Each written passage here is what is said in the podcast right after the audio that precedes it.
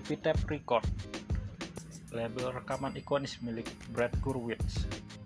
Jika bicara mengenai pergerakan skena punk melalui karya-karya musiknya, nama Epitaph Record merupakan salah satu nama yang bisa dibilang jadi pionir untuk mengembangkan potensi di industri musik. Terbentuk di tahun 1981, Epitaph Record hingga saat ini masih terus berkontribusi dalam mengibarkan sayap skena punk melalui rilisan-rilisan baik yang berasal dari musisi yang lebih dulu established maupun kolektif baru yang ikut meramaikan pergerakannya. Epitaph Record didirikan oleh Brad Gurwitz yang merupakan salah satu pendiri band punk legendaris bernama Bad Religion. Salah satu alasan utama didirikannya Epitaph Records adalah sebagai sebuah sarana bagi Brad Gurwitz merilis karya-karya dari Bad Religion. Sebagaimana yang kita ketahui, bahwa skena punk memiliki semangat DIY yang cukup besar untuk memaksimalkan segala potensi yang dimiliki di dalamnya. Mendirikan label rekaman juga merupakan buah hasil dari semangat DIY tersebut. Nama Epitaph Records sendiri diambil dari sebuah lagu berjudul Epitaph milik King Crimson. Judul lagu tersebut diakui oleh Brad Gurwitz sangat menempel di dalam benak pikirannya. Sehingga Judul tersebut jadi nama yang tepat untuk digunakan sebagai Epitaph Records. Rilisan pertama yang diproduksi dan didistribusi oleh Epitaph Records adalah EP self-titled dari Bad Religion di tahun 1981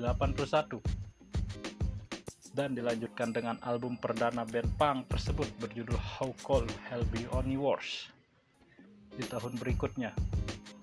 Album penuh perdana yang digarap oleh Bad Religion juga merupakan album penuh pertama yang keluar dari dapur produksi Epitaph Records.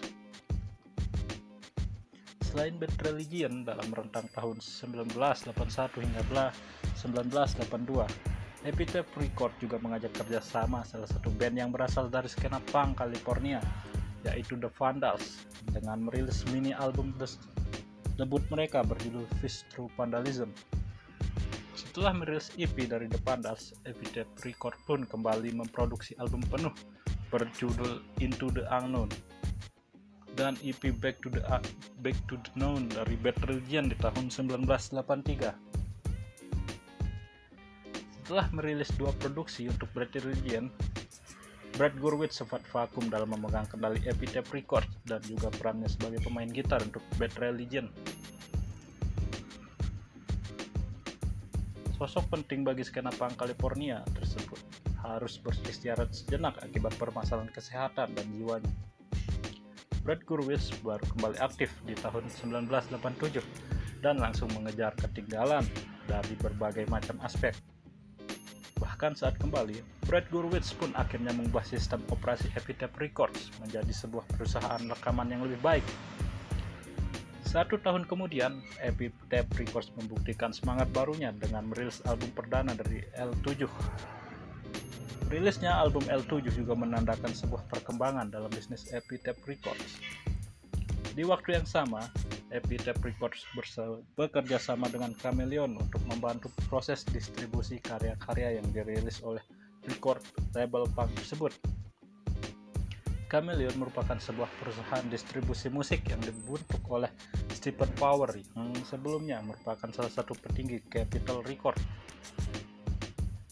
Di akhir tahun 80-an, Epitaph Record melangsungkan kerjasama dengan salah satu band punk yang juga populer dan kini terbilang legendaris, yaitu NoFX.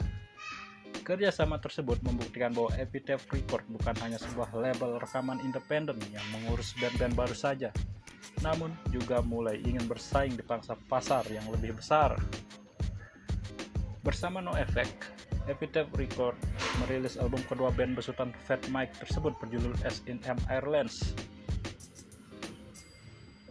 Di dalam album tersebut, Brad Gurwitz tidak hanya mengambil peran sebagai pihak Epitaph Record saja, bersama rekan satu bandnya di Bad Religion, Greg Griffith Brad Gurwitz juga mengisi vokal untuk album NoFX tersebut. Setelah merilis album NoFX, Epitaph Record pun kembali merilis dua buah album untuk Bad Religion, No Control dan Against the Grain. Kedua album tersebut berhasil terjual sebanyak 60.000 dan 100.000 keping. Di awal dekade 90-an, nama Epitaph Records semakin menarik banyak perhatian band-band berlagam punk.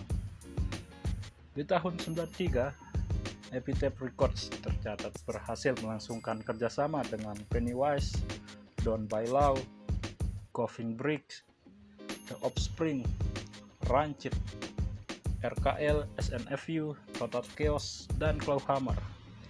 Semakin besar band yang harus dikelola, akhirnya membuat Epitaph Records harus memindahkan kantornya ke Los Angeles.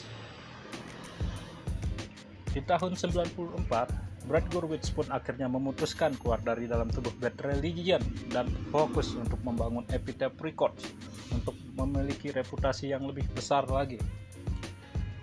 Perginya Brad Gurwitz juga jadi penanda berakhirnya afiliasi Bad Religion dan Epitaph Records saat itu. Meskipun ditinggal salah satu nama besar yang dinilai mampu mendongkrak angka penjualan, nyatanya No Effect, Rancid, dan The Offspring menjadi kelompok musik yang membawa Epitaph Record ke puncak industri mainstream. Album-album yang dirilis oleh ketiga band tersebut bersama Epitaph Record berhasil menjadi hits dengan angka penjualan yang terbilang fantastis. Berkat penjualan tinggi yang diraih Rancid melalui Epitaph Record, band punk tersebut akhirnya berhasil tampil untuk program televisi Saturday Night Live. Sejak saat itu, Epitaph Record pun semakin dianggap sebagai sebuah tujuan bagi banyak band punk Amerika Serikat untuk merilis karya-karyanya di tahun 2001. Brad Gurwitz pun kembali mengisi Bad Religion dan band yang didirikannya pun akhirnya kembali masuk ke dalam bagian Epitaph Records.